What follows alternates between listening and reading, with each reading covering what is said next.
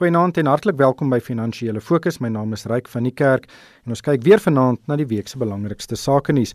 My gaste vanaand is Antoinette Slabbert, sy's 'n senior sakeverslaggewer by Rapport. Goeienaand Antoinette. Naand Ryk.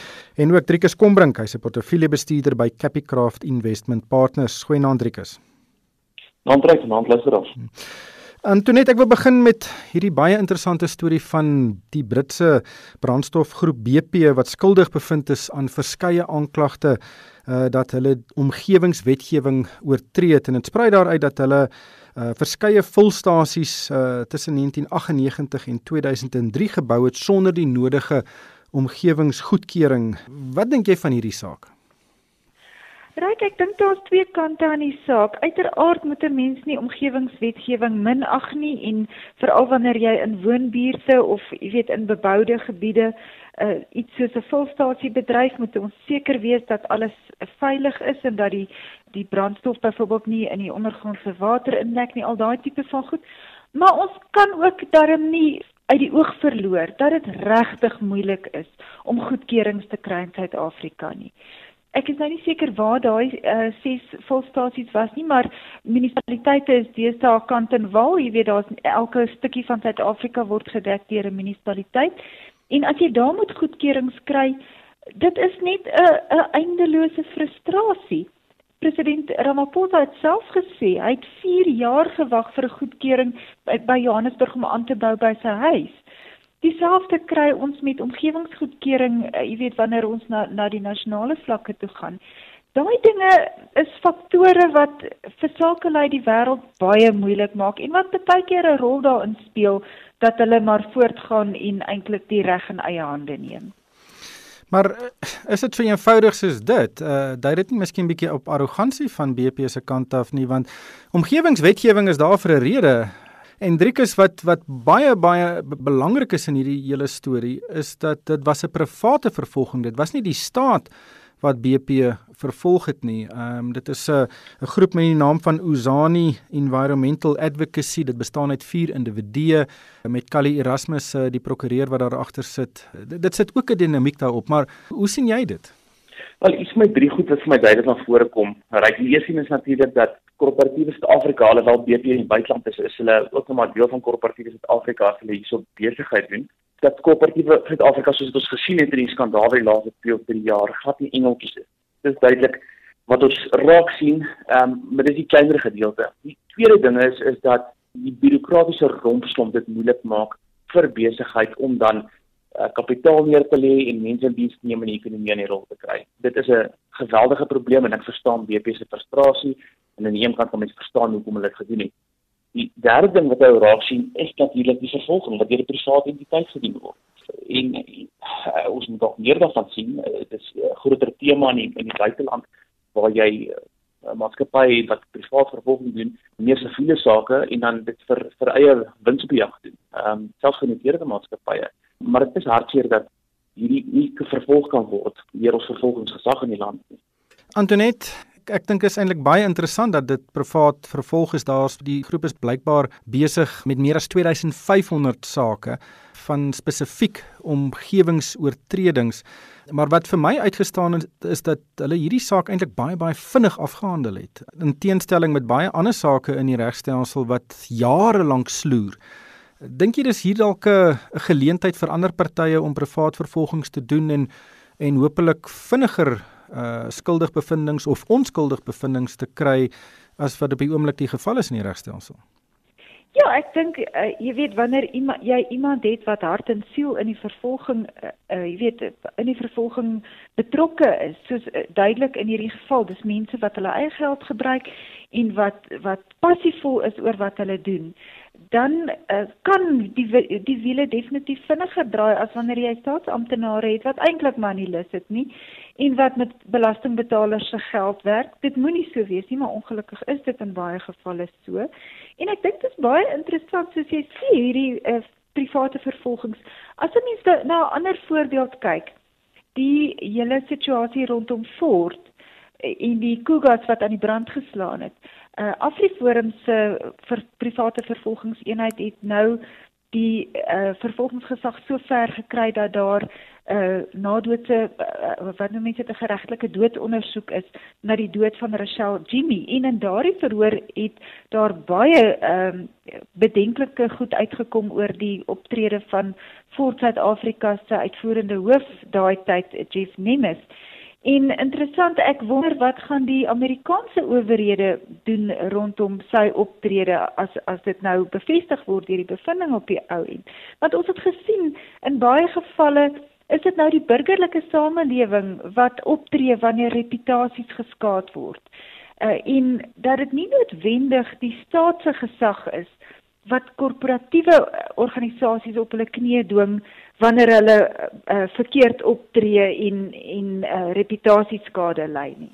Ek uh, het ge, gehoor dat BP is baie ongelukkig met die uitslag en ek is seker hulle sal appel daarteen aanteken en uh, ons sal maar sien wat daar moet gebeur. Ek dink nie dis sal hierdie storie is verby nie. Maar Driekus, kom ons gesels oor Steinhoff. Steinhoff het Vrydag aangekondig uh, dat hulle die publikasie van hulle finansiële resultate vir hulle vorige twee boekjare weer gaan vertraag. Uh, dit is nie te lank nie, net so 'n paar weke vir elkeen. En uh die groep het verlede jaar gesê hulle hoop om teen die middel van April resultate bekend te maak, maar dit gesê dit is regte ingewikkeld. Deloitte die ouditeur uh, het dit nog nie heeltemal afgehandel nie. Daar is meer hulpbronne ontplooi om dit te versnel, maar hulle gaan nou in Mei 2017 se resultate bekend maak. 2018 resultate sal in Junie bekend gemaak word. Wat dink jy hiervan? En en dink jy dis goed genoeg dat Deloitte en, en Steinhoff nie nou hierdie state publiseer nie want almal wag daarvoor? Kyk hulle verskoning ryk is dat die volume en kompleksiteit, as ek nou die woorde uit die uit die finansiële hoof meer uh, Philip uh, Dipperink kan uithaal die volume en kompleksiteit van die van die rekenkundige vereistes wat deur die PwC verslag wat onlangs ehm um, uitgebring is en dit verhoog nou hierdie volume en kompleksiteit en dit is nou 'n verskoning. Ek is seker dit is 'n baie goeie verskoning nie. Um, hulle werk al baie lank daaraan. Ek is seker dit dit is dit is kompleks, maar hoe lank wag ons nou? Dit is al uh, amper 'n jaar en 'n half sedert die die eerste nuus gebreek het dat dat uh, daar ongeruimdhede is en nog steeds sit ons met die probleem. Daar gaan dit nog hele ruk langer vat. Ehm um, jy kom nou uit met nuwe resultate wat gepubliseer gaan word en ek seker 'n jaar vanaf, 2 jaar vanaf, 3 jaar vanaf gaan daar nog steeds geraamd is uit die kas uitval wat nie geadresseer word deur deur die resultate wat nou binnekort hopelik bekend gestel gaan word nie. Madrikus, uh, jy's reg. Hulle is al bykans 18 maande besig met hierdie audit en dit is net van dat Marcus Jooste bedank het en die PwC verslag het uh, bevind dat bedrog van meer as 100 miljard rand plaasgevind het. En ek is seker dit is ingewikkeld. Hoeveel inligting, gedetailleerde inligting oor hierdie 100 eh, miljard rand plus dink jy sal in daai resultate wees uh, en dat ons kan verstaan presies wat daar gebeur het dink jy dit sal in die resultate na vore kom Nee, nie so duidelik hier. Ek dink Jan Alleman sal dit kan sien. Jy het jy dalk vir iets nader aan as 'n forensiese uh auditeur nodig net om sin te maak daai. Maar ek dink seker goed wat wel sigbaar sal wees is wat hierdie maatskappy regtig gemaak. Wat was sy werklike winsgewendheid? Nou baie van die van die bedrog wat gepleeg was was om ander maatskappye op te rig om die besigheid of staan op dan besigheid doen en dan dan noem hulle op die regte Engels woord offshoring. Ek sien seker wat die Afrikaanse term daarvoor nie.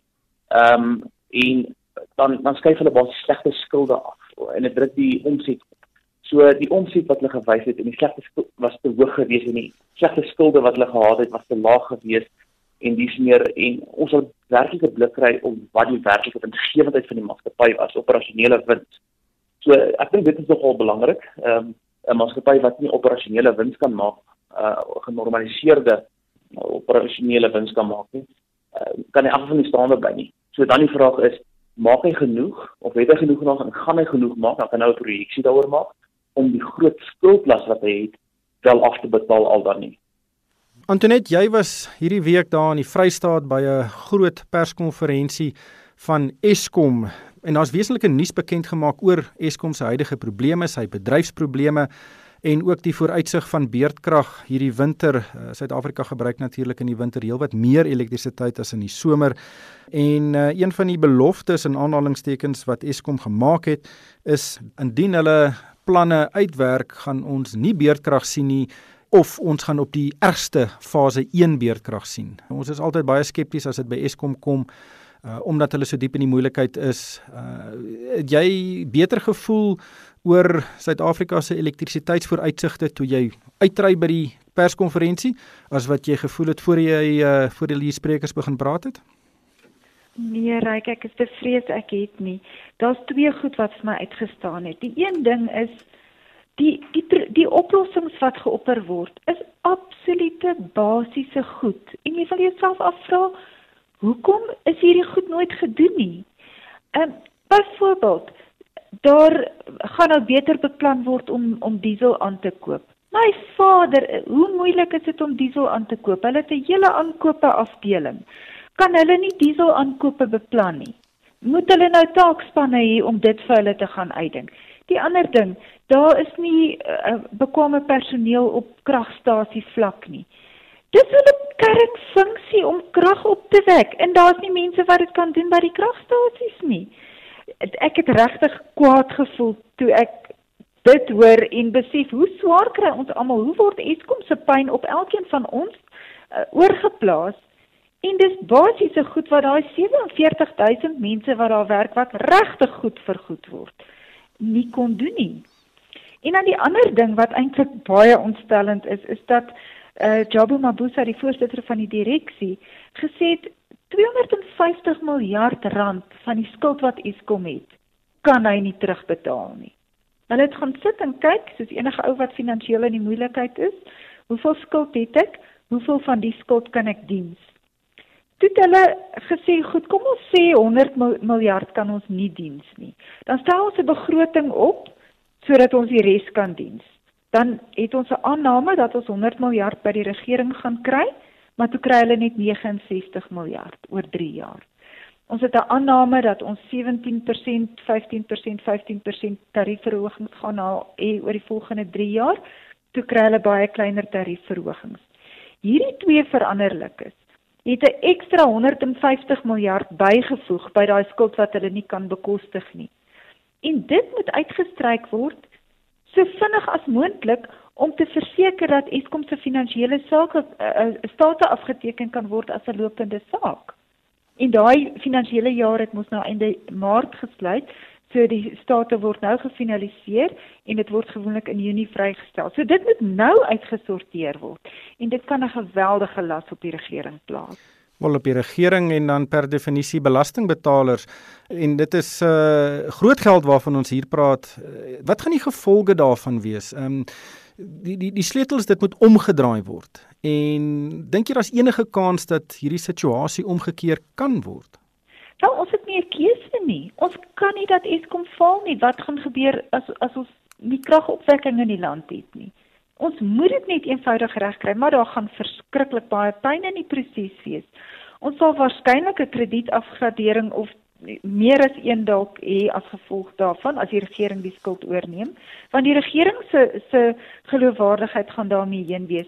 Hulle sal 10 teen 1 hulle hulle ehm um, skuldplafon moet lig kan nie sien hoe anders nie. En dan die geloofwaardigheid van tesorie wanneer hulle vir 'n staatsonderneming sê nee, julle kry nie meer lewensboeye nie. As hulle nou vir Eskom weer eens help, wat is die boodskap wat gestuur word? Eerstens na Eskom vir die toekoms. Jy weet as jy groot uh probleme veroorsaak in jou op jou eie werk, gaan tesorie jou maar altyd weer uithelp want hulle kan nie anders nie. En dan tweedens die ander staatsondernemings. Sanral byvoorbeeld is nie so belangrike staatsonderneming want hulle sorg dat ons paaie gebou en en in ja. stand gehou word. Hulle is ook in die moeilikheid, gaan hulle ook kom bakkant staan. Triek is net laastens die JSE het in die eerste kwartaal van jaar met uh, 7,1% gegroei. Dis 'n mooi positiewe syfer. Dit is die uh, vinnigste groei wat die JSE in die eerste kwartaal beleef het uh, in verskeie jare en dit is baie mooi, maar in wêreldterme het die JSE nie so goed gevaar nie. Meeste markte het heelwat beter gevaar, veral in dollarterme. Wat wat maak jy hiervan? Ja, kyk, die MSCI wêreld en ek is 11.8% op in dollarterme. So 'n bietjie meer in randterme, amper dubbel wat die JSE gewys het. Die probleem met die JSE, die algehele indeks is dat 'n paar handjievol aandele, sê vier aandele maak meer as 50% van die indeks uit. So Naspers, uh, British American Tobacco en 'n paar van die hulpbron aandele het, het beduidend goed gedoen in die eerste kwartaal. Uh as jy byvoorbeeld daai moet uitspreek en jy kan dit nie eers dan na die JSE se gelykgewichte indeks te gaan kyk. Dit vir die top 40 en gee vir elkeen 'n gelyke gewig in daai indeks. En dan kom jy by 'n baie slegte syfer uit. Jy kom by 'n 0.6% groei uit vir die eerste kwartaal. Uh, wat beduidend swakker is die res van die wêreld. Uh en dit is ten spyte ten spyte van 'n rand wat heelwat swakker is as hy laas jaar hierdie tyd was. Ehm um, so ja, nie goeie syfer nie. Jy kyk na goed soos die, die kleinhandel indeks.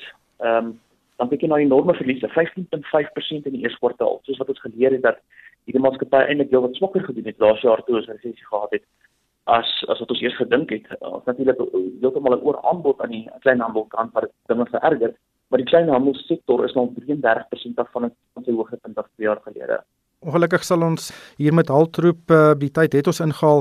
Baie dankie aan Antoinette Slabbert, sy's 'n senior verslaggewer by Rapport en Driekus Kombrink, hy's 'n portefeuljebestuurder by Capicraft Investment Partners. En daarmee moet ek groet van myself Ryk van die Kerk. Dankie vir die saamluister en ek koop almal 'n winsgewende week.